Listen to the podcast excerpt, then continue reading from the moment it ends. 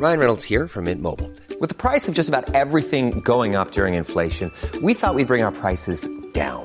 So to help us, we brought in a reverse auctioneer, which is apparently a thing. Mint Mobile unlimited premium wireless. Ready to get 30, 30, bit to get 30, bit to get 20, 20, 20, bit to get 20, 20, bit to get 15, 15, 15, 15 just 15 bucks a month. So, Give it a try at mintmobile.com slash switch. $45 upfront for three months plus taxes and fees. Promo for new customers for limited time. Unlimited more than 40 gigabytes per month. Slows. Full terms at mintmobile.com. A lot can happen in three years, like a chatbot may be your new best friend. But what won't change? Needing health insurance. United Healthcare Tri Term Medical Plans, underwritten by Golden Rule Insurance Company, offer flexible, budget friendly coverage that lasts nearly three years in some states. Learn more at uh1.com. There's never been a faster or easier way to start your weight loss journey than with PlushCare. PlushCare accepts most insurance plans and gives you online access to board-certified physicians who can prescribe FDA-approved weight loss medications like Wigovi and Zepbound for those who qualify. Take charge of your health and speak with a board-certified physician about a weight loss plan that's right for you. Get started today at plushcare.com slash weight loss. That's plushcare.com slash weight loss. plushcare.com slash weight loss. Palmevandringen 2019 Sveriges statsminister Olof Palme är död. Ja, det är mord på Sveavägen. Hörde de säger att det är Palme som är skjuten. Mordvapnet med säkerhet är en Smith Wesson, en revolver kaliber .357. Inte ett svar. Finns inte ett svar. För jag har inget. Och jag har inte varit Polisen söker en man i 35 till 40-årsåldern med mörkt hår och lång mörk rock. Välkomna till podden Palmemordet som idag görs av mig, Tobias Henriksson, på PRS Media i samarbete med TV100. Vill du sponsra oss och se till att vi kan ta oss an fler stora spår? Gå in på patreon.com palmemodet och donera en summa som podden får per avsnitt. Det är alltså patreon.com palmemordet. Idag kommer ni att få höra en ny röst i podden. För på Palmevandringen i år medverkade nämligen också TV100. I samarbete med oss gjorde de ett antal intervjuer med gästerna och dessa kommer att höras på tv100.se från fredag 15 i 3 2019. Delar av dessa intervjuer kommer ni också att höra i dagens avsnitt. Men vi börjar från början. Vad är egentligen en Palmevandring? Några av er kanske hörde om det i förra årets avsnitt, men vi kör en snabb repris för nytillkomna lyssnare.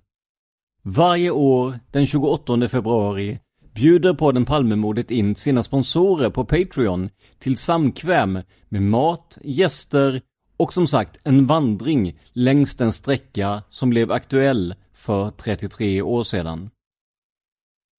I år lyckades vi få en riktigt intressant uppställning av gäster, mycket tack vare TV100s kontakter.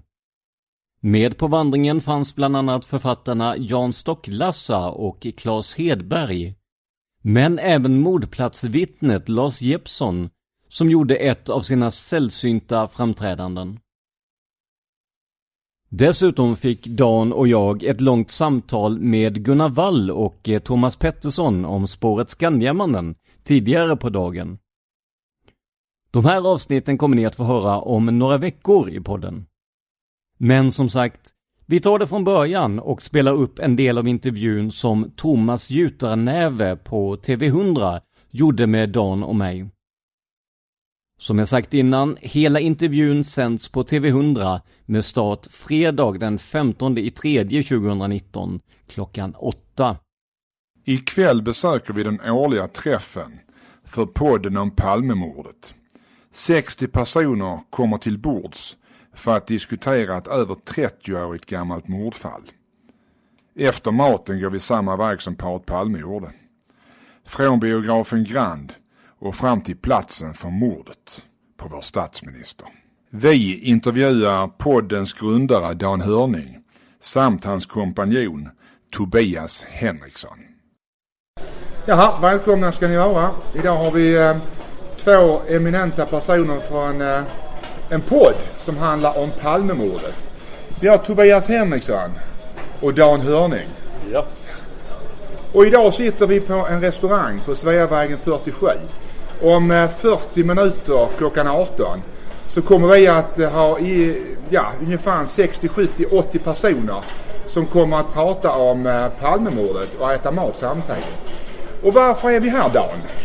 Jo, på årsdagen då av Palmemorden, den 28 februari varje år, så träffas vi här och det är egentligen ett tack till alla privatpersoner som sponsrar podden Palmemordet. Mm. Så att alla som har varit med och bidragit under året, för podden lever på donationer från, från lyssnare. Så då träffas vi här, vi äter och sen går vi en, eh, ja, en vandring i paret Palmes spår och sen följer vi gärningsmannen så kommer vi på åsen. Och sen tar vi lite sandkräm upp på båsen och sen går vi ner till mordplatsen då till 23-21 och där det ofta är ganska mycket folk. De människor som kommer hit idag, är det privatspanare eller är det... Det finns ju onekligen en del privatspanare, det gör det. Men många är bara intresserade av fallet. Jag eh, gör ju reklam för fallet väldigt ofta i mina andra poddar, till exempel Seriemördarpodden. Eftersom det är världens största olösta mordfall sett till mängden utredningsmaterial. Så, eh, ja. Och Palmemordet är fortfarande olöst? Ja. Det får man lov att säga. Hittar vi lösningar på någonting ikväll? Jag tror att vi kommer att ha en väldigt angenäm diskussion och få lära oss saker ikväll. Men eh, hittar vi lösningen ikväll så blir jag förvånad. Tobias, Ja, du har också varit delaktig i den här podden, Palmemordet. det stämmer bra det. det är, jag är ju nere från Blekinge och eh, det hela började med att jag efter mitt jobb på TV4 i Malmö började titta på en misstänkt som heter Viktor Gunnarsson. Som eh, av en händelse råkade bo ganska nära där jag växte upp. Och eh, planerade då att göra avsnitt om honom och sälja in till exempelvis ja, radio eller till en tidning eller liknande. Och i samma veva så hade Dan eh, väldigt massa att göra samtidigt som eh, vi båda höll på att eh, flytta till olika ställen. Så jag erbjöd mig helt enkelt de här avsnitten till Dan istället. Eh, Som en slags utvärdering. Att eh, är det bra avsnitt så kan vi kanske samarbeta i fortsättningen med de här avsnitten får du gratis till podden helt enkelt. Och eh, ja, uppenbarligen så eh, blev det ett lyckat samarbete för att nu är det väl en, vad kan det vara, en 15-20 avsnitt? Kan det Nej, vara? jag tror att det Är det närmare så? 40-50 avsnitt. Det är så många, Ja, det har medverkat i alla fall. Ja. Ja. För några har vi gjort tillsammans också. Ja. Så att på den vägen är det så att eh, Dan tar sig an framförallt de stora spåren. Jag har varit med mycket när det gäller just Victor Gunnarsson. Eh, men annars så gör vi ungefär åtta avsnitt var. Jag gör fristående avsnitt, en hel del intervjuer och Dan gör just nu då Polisspåret Ja. som är ett av de spår Det är ett av de fem stora spåren som vi inser kommer att ta väldigt mycket tid och många avsnitt. Det första var Viktor Gunnarsson och kvar står PKK, Sydafrika och eh, Christer Pettersson. Just det. Varför lägger man sekretess på 70 år på, på, på det här materialet? Vad är det som finns där som skulle kunna skaka om samhället? Den mesta sekretessen är ju bara vanlig förundersökningssekretess. Det är ju egentligen slentriansekretess som drabbar alla mordutredningar. Men sen finns det ju andra saker. Men vi vet ju inte ens vilken sekretess olika saker är under egentligen. Jag kan, ju, Mm. ja, jag kan bara säga att eh, vi eh, fick tillgång till ett stort material eh, via källor. Där, eh, ja, ett antal pärmar helt enkelt med väldigt massa information. Och där hittade vi bland annat ett namn som eh, vi inte har hört talas om tidigare. Och begärde då ut de här förhören. Och förhören fanns, men vi fick inte ut dem. Eh, för att det var en pågående förundersökning. Mannen eh, är idag avliden. Det finns inga släktingar i, eh, som vi känner till i närheten. Och eh, Palmeutredningen ville inte specificera varför man gav avslag på det. Men eh, min känsla i alla fall är att de är ganska strikta med vad de släpper och inte. Och ibland kan det i alla fall för mig kännas lite, lite godtyckligt. Det är lättare att inte hantera de här Och eh, de har blivit striktare den senaste tiden under just Petersson. Okej. Eh, Men det här var, det vi vet om det här vittnet är att det är ett av de fem viktigaste ögonvittnena. Absolut. Och han är helt okänd. Helt okänd. Ja. Inte Ingen, för, inte ingen, för Palmeutredningen. Nej, inte för Palmeutredningen, alltså men för för- oss var han helt okänd. Och media? Ja. Jag har aldrig sett någonting i media om det. Nej, vi har, vi har letat i... Hur pass nära har den här personen varit Det mordplats? vet vi inte. Vi har, jag har inte hans förhör. Vi vet hans namn och han står på en lista över fem superviktiga ögonvittnen där alla de andra fyra är Han, han var ett ögonvittne och togs med upp till kriminalvakten och skulle sen då ha suttit i, ja, i förhör eller lämnat vitt- vittnesutsaga. Men det är, det är så långt vi kommer. Eh, trots eh, överklagande då så har vi inte kommit längre. Och reporter var Thomas Jutarnäve på TV100. Men även om det kan vara intressant att höra om vad Dan och jag har att säga om mordet och podden, så var det ju knappast därför vi hade samlats.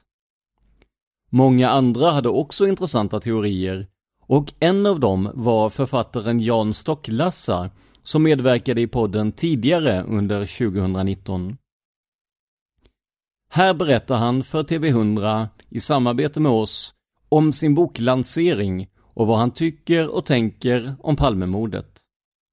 Även den här gången är det Thomas Jutarnäve på TV100 som intervjuar. Här sitter vi på en restaurang på Sveavägen, King Tan. Eh, hela gänget som är sponsorer för eh, podden Palmemordet har eh, gjort entré. Och vi sitter eh, ett stort antal längre in i restaurangen. Och vem hittar jag där helt plötsligt? Jo, eh, en kille som har eh, lanserat sin första internationella kampanj bokmässigt. Jan Stocklassa. Hej. Hej. Trevligt att vara här. Tack. Kan du berätta någonting om din internationella lansering? Ja, det, alltså, det är precis som du säger, det är första gången jag gör det. Och nu, eh, boken Eh, är såld till 26 språk och 50 länder ungefär. Mm. och eh, så, som de senaste två månaderna så har jag lanserat boken nästan varje vecka i ett nytt, nytt land. Vi är på land 9 och nästa vecka är land 10. Då är det dags för Tjeckien och det är lite, brinner jag lite extra för eftersom jag har bott länge i Tjeckien. Jag har bott 15 år totalt i Tjeckien. Och eh, om man känner till boken så slutar den i en infiltration där jag får hjälp av en tjeckisk eh, kvinna som heter Lida Komarkova. Och hon är också här ikväll. Hon är här ikväll. Okej, vad- har inte hon haft någon speciell roll i en av dina böcker? Jo, precis. Hon, hon träffar ju den person som jag är helt övertygad om är involverad i Palmemordet. Som jag kallar för Jakob Tedelin i boken. Och Lida Komarko träffade honom under totalt sex dagar och spelade in alltihopa med, med glasögon och, och smartphones och GoPros och så också. Så, så vi har nästan allt från de här sex dagarna dokumenterat. Och den är ju intressant också tycker jag att hon har ju blivit, det har gått ett rykte på internet i olika olika former, på bloggar, på Palmerummet, på Facebook.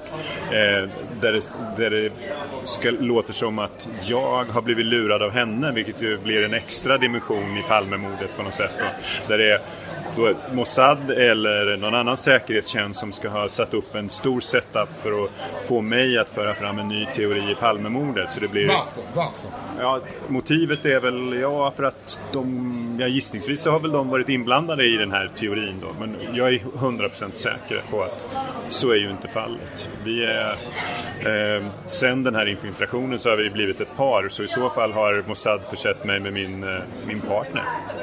Okej. Hur känns det här? Nej, alltså det- är kul att- ha med henne här och visa upp henne. Men hon är här, hon pratar några ord svenska, hon pratar väldigt bra tjeckiska och väldigt bra engelska. Så det är bara att ställa frågor till henne och säga, jobbar du för Mossad? Jobbar du för någon annan säkerhetstjänst? Var du inhyrd? Är du fortfarande inhyrd? Liksom. Vad tror du om hennes roll? Ja, ja, ja, du menar om vi ska leva ihop hela livet eller om, det bara är, eller om vi bara är tillsammans tillfälligt? Ja, just nu så känns det att vi kommer vara tillsammans kanske hela livet. Okej. Det är så alltså? Hon är på hemligt besök här idag alltså? Nej, hon bor, hon har flyttat ihop. Vi bor, vi bor tillsammans så hon är min tjej helt enkelt. Jo, men vad jag menar är att, att eh, den här eh, teorin du sa, eh, pratade om innan om Mossad. Hur pass rimligt kan det här vara? Nej men det, alltså, jag vill inte nämna några namn, vem som har fört fram de här teorierna, men det, det är ju tråkigt när några av Sveriges största experter på Palmemordet ägnar sig åt helt fel konspirationsteorier. Ägna, jag tycker vi ska ägna oss åt rätt konspirationsteorier. Det vill säga, vem mördade Olof Palme? Vem har mördat Olof Palme enligt dig då? Alltså det är ju, eh, själva personen går jag inte in på i boken och det tänker jag inte göra här heller för att det är, dess, det är faktiskt förtal att göra det. Antingen man anklagar en person som är avliden, då är det förtal av avliden. Så, så om man kall, säger att Skandiamannen har gjort det, då är det förtal av avliden. Om man säger att Christer Pettersson har gjort det, så är det förtal av avliden. Eh, så jag säger inte vem som har gjort det, men jag säger att den här personen, Jakob Tedelin, var åtminstone väldigt nära eh, Dekorima-hörnet klockan 23.21 den 28 februari 1986. Kan det finnas en koppling till Skandiamannen där?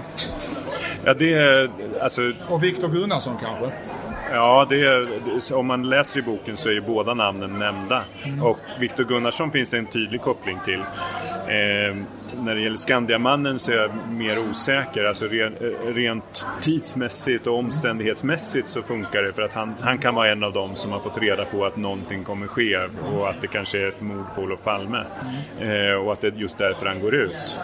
Eh, för mig är det helt omöjligt att förstå att eh, han skulle vara själv och genomföra ett mord. Men däremot att han kan ha ingått och fått reda på någonting, det, det är möjligt. Eh, och det, det, tror jag till och med att eh, är sannolikt. Så. Vem tror du sitter på sanningen om Olof Palme? Hela mordhistorien? Ja, det, det, det, är väldigt få människor. För de här, alltså det, I bakgrunden i min bok så är det ju Sydafrika. Som jag, jag har ju varit nere och träffat Craig Williamson och jag har varit nere och träffat Bertil Vedin. De personer som eh, Palmeutredningen nu, Christer Petersson, så hemskt gärna vill träffa. De har jag träffat för länge sedan. Jag har suttit tre dagar med Bertil Vedin nere på Cypern. Medan Christer Petersson skriver ett väldigt vänligt brev till honom och ber att få träffa honom några år senare. Ehm, så att sanningen det är några av de personerna som har varit med i det. Men det, det är om man gör en, den här typen av konspiration då gör man precis som sydafrikanerna gjorde när de sprängde en bomb i London. Man använder sig av celler där man får reda på precis det man behöver on a need to know basis. Så att det, det är kanske en handfull människor som vet precis vem som sköt. Bertil Vedin är ju ganska så intressant. Han eh, tar sig nästan aldrig utanför den ön på Cypern som han befinner sig på. Uh, han bor väl på den turkiska sidan också? Ja, precis. Han bor i Kyrenia, eller Girne som det heter på turkiska. Och det var där jag åkte ner och träffade honom. Och jag är nog den person som har träffat honom längst utanför hans närmsta krets.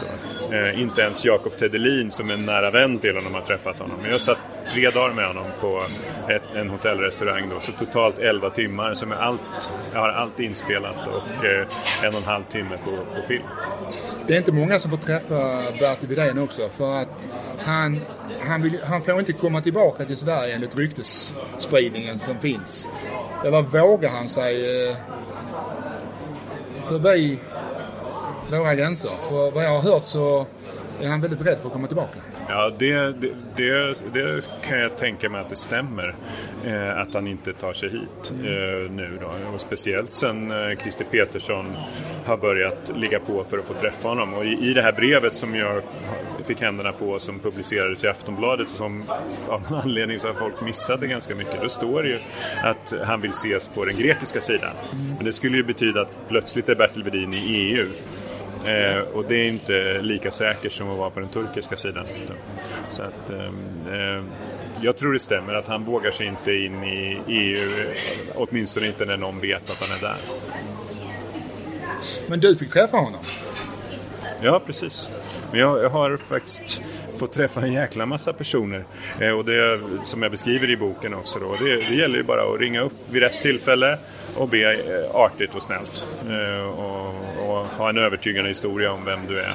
Det, det, tydligen så funkade det på, på Bertil Vedin. Och, och sen så lade jag till 250 pund också så det var, det var åtminstone, han fick någon typ av morot. Jag tänker på eh, några säkerhetspoliser som Walter Kege. Hur pass mycket eh, information sitter de på som inte är offentligt? Alltså, ja, det, det, ja, det, var, det var en svår fråga. Det, ingen aning faktiskt hur mycket, mycket han vet. Jag vet inte ens vad han har tagit reda på eller vem riktigt så. Men, men eh, att han kan ha någon typ av information, det kan det mycket väl vara. Alltså, han ingick ju i, i, i kretsen där i, i början av utredningen när det var som när de första största misstagen begicks. En sån som, sak som jag tycker är väldigt intressant, som jag tycker också folk eh, har, har missat lite grann, är att 1987 så höll polisen på att lösa mordet på Olof Palme. Och det, det är omskrivet i, i åtminstone tre dagstidningar.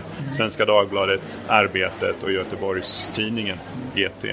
Eh, och de beskriver i detalj hur upplägget var. Och det bygger på uppgifter som kom direkt efter mordet och som kom i ännu mer detaljerad form 1987. Eh, och det är det som jag beskriver. Det var Sydafrika i en cellstruktur. De, hade en, en, de skickade upp tre agenter.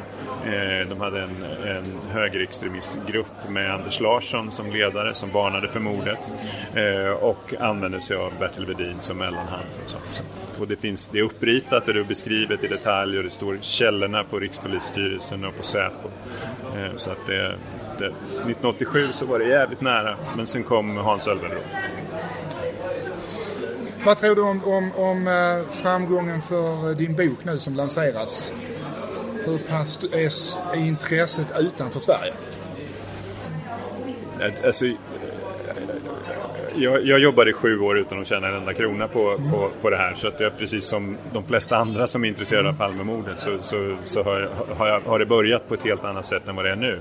Nu har jag fått stora förskott och jag vet att boken kommer sälja kanske någonstans mellan en halv miljon och en miljon exemplar. Där någonstans är det, så borde det bli. Om det inte blir en jättesuccé för då blir det väl en Stig Larsson bok. Men, men eh, någonstans där. Det betyder att det är en, kanske en halv miljon eller en miljon. Många som inte läser boken kanske. Men många som läser boken och så tänker de hur i helvete kunde de göra det där? Och varför tar de inte och gör det? Här, här står ju hur det gick till. Eller kan ha gått till. Och jag tror trycket kommer komma utifrån. Jag tror inte det räcker med att, eh, som jag läste i tidningen idag, att Gunnar Wall och Lars Borgnäs skriver ännu en debattartikel i, eh, och, och, säger att liksom, nu måste vi göra någonting. Det, det duger inte med svenska längre. Det kommer komma utifrån, utomlands ifrån. Jag tänkte det här Kennedy-mordet och Palmemordet. Vad ser du för likheter och skillnader mellan de här två morden?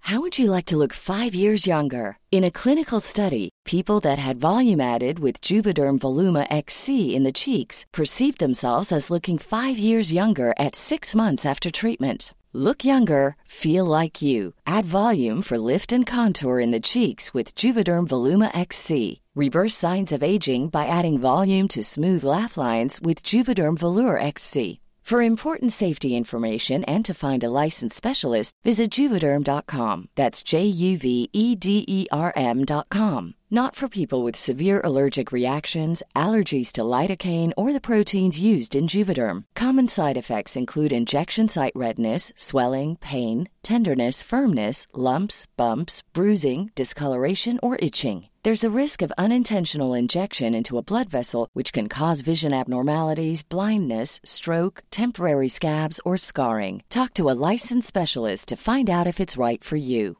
This is Paige, the co-host of Giggly Squad, and I want to tell you about a company that I've been loving, Olive and June. Olive and June gives you everything that you need for a salon quality manicure in one box. And if you break it down, it really comes out to $2 a manicure, which is absolutely insane. It's also so easy to get salon worthy nails at home with Olive and June. The difference between how your nails used to look when you did them yourself and now with the Manny system is a complete game changer. The best thing about Olive and June too is it's a quick dry, dries in about one minute, lasts for five days, and full coverage in up to one to two coats. Visit oliveandjune.com slash perfect Manny 20 for 20% off your first system. That's oliveandjune.com slash perfect Manny 20 for 20% off your first system.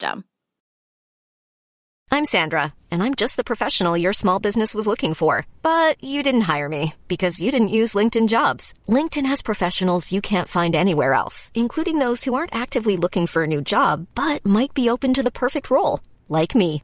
In a given month, over 70% of LinkedIn users don't visit other leading job sites. So if you're not looking on LinkedIn, you'll miss out on great candidates like Sandra. Start hiring professionals like a professional. Post your free job on linkedin.com/people today. Alltså, jag är inte, jag är klart att jag har läst en hel del om Kennedy-mordet men, men det, det, är så svår materia så jag kan liksom inte uttala mig. Men jag har, jag har ju ett, ett kapitel i min bok som heter Patsy. Mm. Um, och, och, och, det finns ju en anledning till det eftersom uh, Lee Harvey Oswald sa I'm just a Patsy. Uh, inte så långt innan han blev skjuten. Och, uh, och det är ju det, sam, samma typ av upplägg. Om det, om det var ett Patsy-upplägg med en syndabock så är det precis samma upplägg som jag beskriver med Jakob Tedelin och Bertil Vedin och så. Så att det, det, det i så fall, om, om, om Lee Harvey Oswald hade rätt och talade sanning så så finns det ju jättestora likheter. Dessutom tror jag att det i så fall handlade om vapenhandel och att de ville få igång Vietnamkriget, vilket Kennedy inte ville. Så det, då skulle det vara samma motiv i, i startpunkten.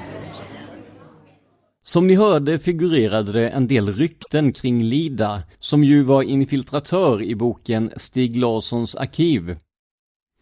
Lida, som egentligen heter något annat, har inte uttalat sig för svensk media innan, utan vill själv välja när hon ska gå ut med sin historia. Men efter att ha pratat med henne och hon fått frågorna i förväg fick vi några minuter med en av de mest spännande karaktärerna i boken. Lida visade sig vara en mycket intressant och öppen person som gärna pratade kring situationen i hennes hemland Tjeckien kontra Sverige hon visade också prov på en stor humor. När jag förberedde henne på frågorna sa jag att det finns ett rykte om att hon jobbar för Mossad. Hon svarade utan att blinka That's not true, I am CIA och skrattade högt. Den här intervjun görs på engelska och jag kommer att sammanfatta den efteråt. Can you please tell me a little bit about uh, how, how you met Jan professionally and how it came that you actually helped him with with all this stuff. Uh, so what happened? Jan found my profile on Facebook, uh-huh. and he contacted me first through Facebook. Then uh, we met in Prague, and that's where I learned about the story. That's where I learned what he is following and what he is trying to find out. And that's basically the resolution of, of the yeah, sure. murder of your Prime Minister of Palme. Yeah. Was it a hard uh, thing to decide to take on this task? Because I imagine it could be dangerous, could be time consuming, how do you, how did you think about that? Uh, so basically what happened? Jan told me what he is up to. Jan told me what he's doing what he's trying to find out. And it made sense to me the way that he was present, presenting the story and what his research was on. It just made sense to me. I i didn't think that he is someone who's trying to become famous or something. He just wanted to find out the truth of what happened that time. And I was actually uh, happy somehow that I was able to help him to to to, to find what was what was happening 30 years ago. So while in Sweden, um, you went, can I say, went undercover uh, to, uh, to, try to get some information from Jakob Tedelin, uh, the name he has in the book. Uh, uh, were you ever scared that something bad would happen to you if you were almost alone with a guy that doesn't seem too nice? Well, I don't think I was scared at the time. Uh, I wasn't thinking about it. It, it could be dangerous, really, because if I would think that, I don't think I would ever go there. But for me, it was like there's there's like something that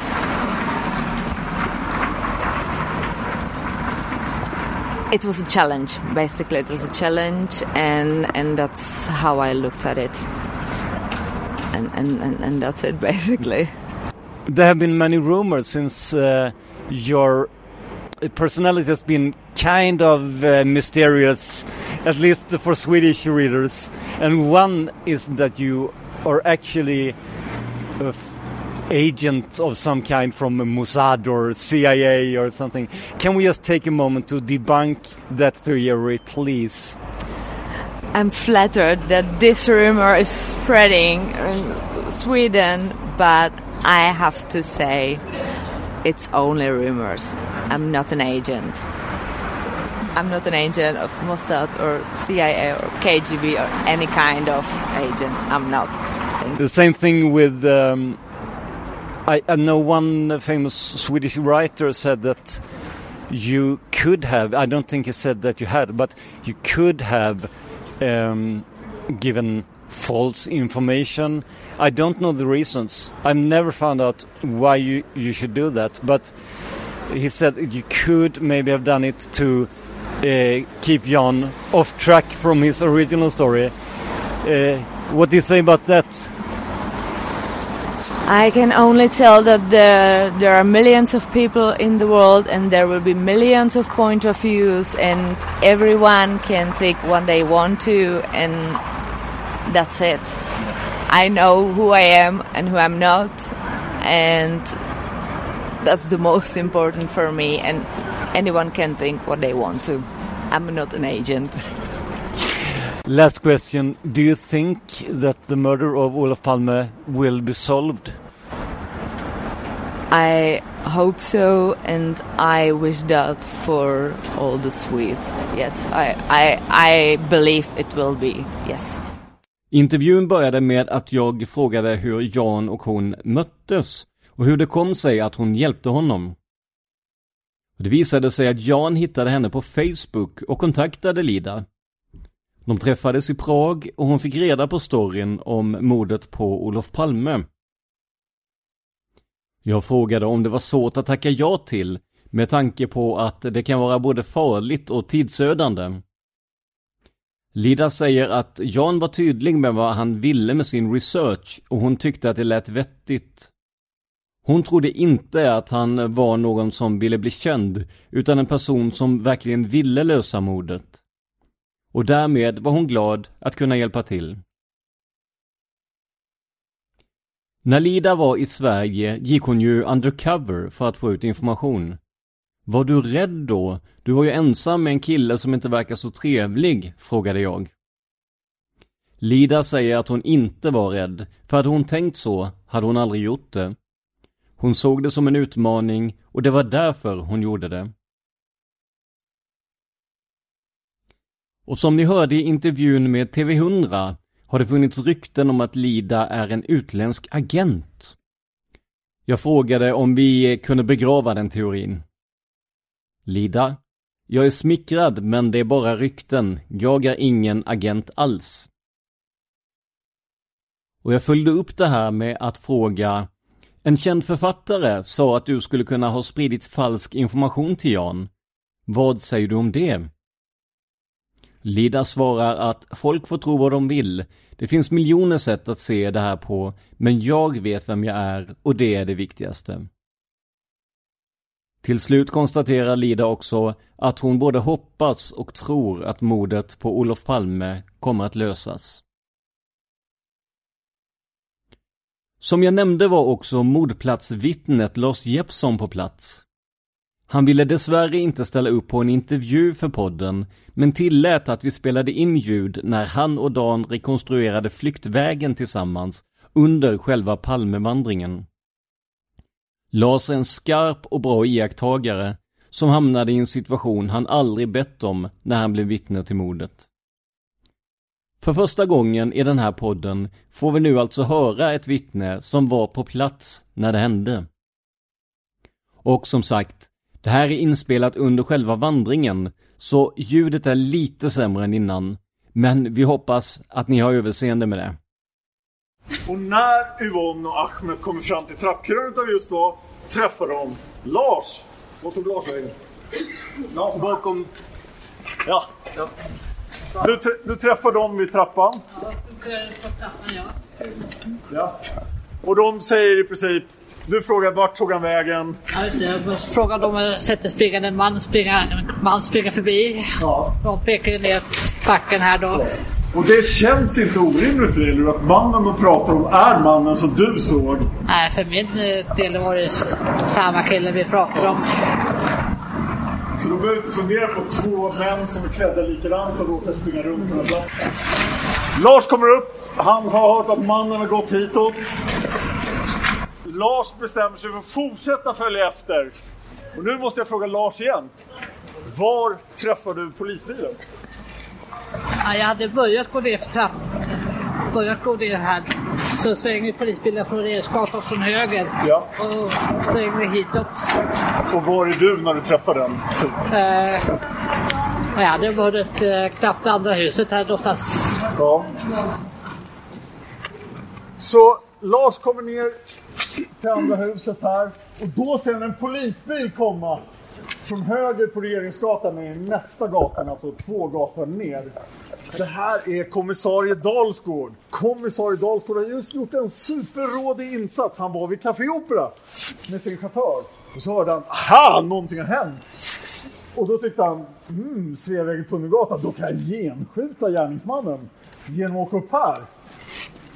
Och en kärna i polisspåret och i rättegången mot proletären är just att så många tycker att det är anmärkningsvärt att Dalsgård och hans chaufför kommer hit så här tidigt och har fullständigt rätt. Vilken väg gärningsmannen tog vägen då. Eftersom det då råder tvekan om vilka larm som har gått ut och vad egentligen folk vet på fältet. Eh, Dalsgård tycker att trots att han letar efter en mördare, här kommer en ensam kille gående, så struntar han fullständigt i dig. Ja. Ja, och fortsätter upp här. Hur lång tid tar det innan han kommer tillbaka? Eh, jag gick ner eh, något flera hus neråt en bit. Och eh, då polisbilen stannade på krönet här då. Ja, Och pratade med några fotgängare, fotpatrullerade. det. Så att, eh, men okay, jag skiter i dem och de, de tittar på mig och jag tittar på dem. Så det är liksom vem, har- vem har betett sig mest skumt här då. Ja. Man, man reagerar ju på just att de letar efter en springande gärningsman. Här kommer en person i ganska snabb fart. Men Lars fortsätter neråt och hur långt, ja, du kommer förbi korsningen, den första. Så vi flyttar oss ner för gatan. När Lars har kommit hit så ser han, du ser ingen person. Men du ser någon rörelse i, i byggnadsställningen. Nej, utan jag såg en rörelse lite längre upp i backen bakom en bil som jag fått på trasidan. Ja, på, den bilen var också högre upp i backen. Ja. Ja, och sen... Nej. Jag skulle ändå vara lite nyfiken på vad killen kunde ha tagit vägen. Så att, ja. Så jag tittade lite under pressändningen av någon anledning. Så att, och eh, som jag inte såg någonting då så tänkte jag så vände jag mig upp mot backen mot Malmskillnadsgatan där, Ja. där polisbilen står. Och den står fortfarande kvar där då? Ja. Ja. Så att jag går, då börjar jag gå tillbaka till polisen där då. Att nu är det dags Ah. för att snacka med dem då. Okej, det tar så lång tid för dem att vända tillbaka. Ja, för då, snack, då stod de på backen och snackade med några gående poliser då. I uniformer. Ja. Så Lars observerar en man bakom en bil, eller någonting du tror är en man. Eh, och sen tittar bakom pressändningarna här. Men hittar ingenting speciellt. Då vill jag att ni observerar den blå bilen där nere. För den bilen den här kvällen tillhör är polis i PD3 på Södermalm. Det är fredag kväll efter löning. Det är sex poliser i piketen. En polis är noterbart frånvarande. Han kan komma tillbaka till senare. De är den enda piketbussen på Södermalm. Tyvärr har jag just fått reda på att det är jättevanligt att piketerna bara lämnar sin stadsdel och var på andra. Det var inget konstigt alls. Det låter jättekonstigt tyckte jag fram till förra veckan. Men eh, den här kvällen då tycker att vore det inte jättekul om vi struntade i knarkarna på Marinatorget och allt skräp som händer på Södermalm och istället åker hem till mig typ bor i huset, nästa hus, det rödbruna huset där. Och flyttar min bil, för jag vill gärna byta parkeringsplats. Varpå piketchefen Kjell Östling tycker ja, det är en lysande idé. Vi tar sex poliser och det tar typ en timme. Det låter skitbra.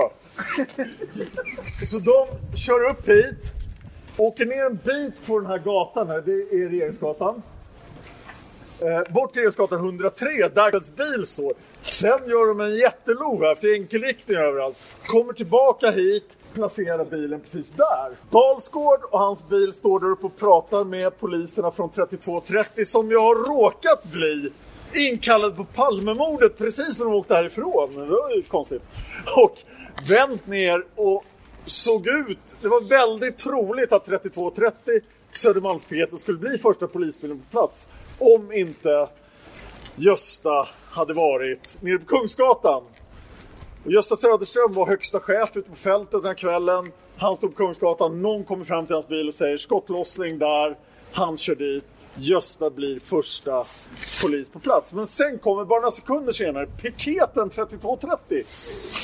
Varpå då Gösta tycker, vore det inte bra om ni sprang efter gärningsmannen? Så det är de fyra poliserna, för Kjell Östling har stannat där nere för att hjälpa Gösta. Och hans chaufför har stannat där nere. Men fyra poliser har kommit upp här, träffat Dalsgård, fått någon slags information vad nu Dalsgård kan berätta för dem. Och sen kör Dalsgård tillbaka till dig. Ja, jag, jag, går ju upp. Eller du kommer upp till honom. Ja, de vänder också ner så vi möts kanske på halva vägen då. Ja. Och eh, jag visste lite varje man försöker hejda att eh, nu vill jag prata med er va. Ja. Så du hejdar dem? Ja. De hejdar inte dig? Nej, jag, för jag går ju liksom inte på gatan så jag står i vägen för dem. Aha. Och, och gestikulerar, lite för att nu är uppmärksamhet. Eh, Så går jag och snackar med han i passagerarsätet, så, ja, Dalsgård. Ja. Ja, så jag frågade om, om ni letar efter killen som sköt. Ja, bekräftelse. Så jag ser att han eh, försvann neråt här då, lite viftande. Okej, han försvann. Han försvann neråt. Ja, så du gestikulerar, de stannar, prat, du pratar. Jag frågade ja, om det är någon letar efter killen som sköt. Så, så bekräftelse. Så jag ser ungefär vifta lite med händerna neråt och han förs, förs, gick, eh, sprang ner för här då. Och eh, Tar de med dig i bilen då eller? nej, utan sen kom ju två killar med två Ja. uniformer då.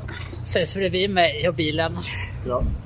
En utav dem fick order om att följa med mig ner till eh, ner för trapporna till eh, Sveavägen. Och eh, så att det, så jag en, eh, en uniform gick vi ner för trapporna till och så han ser upp mig och, och väntade där nere på bli förhörd av någon piket. Ja. Sen dröjer det inte, dröjer inte så många minuter förrän samma polisbil jag mötte här parkerade där nere. Otroligt intressant att höra. Tack. Där tackar vi Lars Jeppsson och lämnar årets Palmevandring. Vi påminner er också om att ni kan bli sponsorer på Patreon och då har ni möjligheten att få uppleva allt det här live tillsammans med mig, Dan, andra Palmeintresserade och en massa gäster. Gå in på patreon.com palmemordet och ge ditt stöd idag.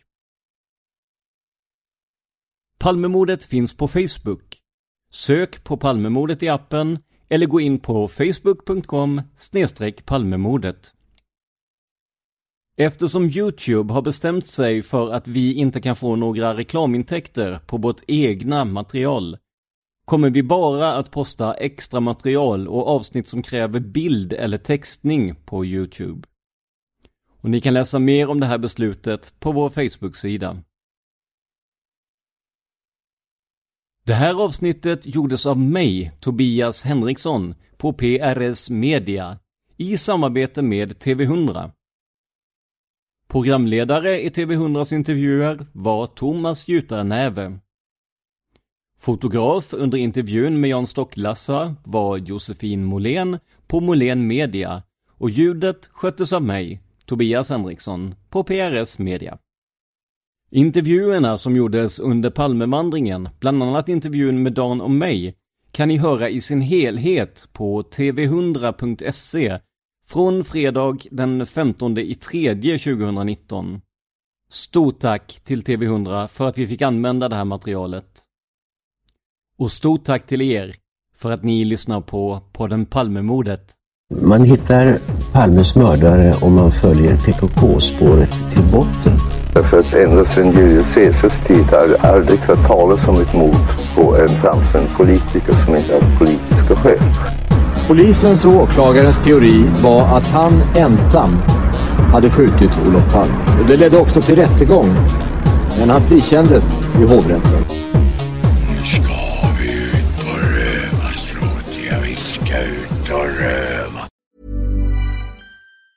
Normally, being a little extra can be a bit much, but when it comes to healthcare, it pays to be extra.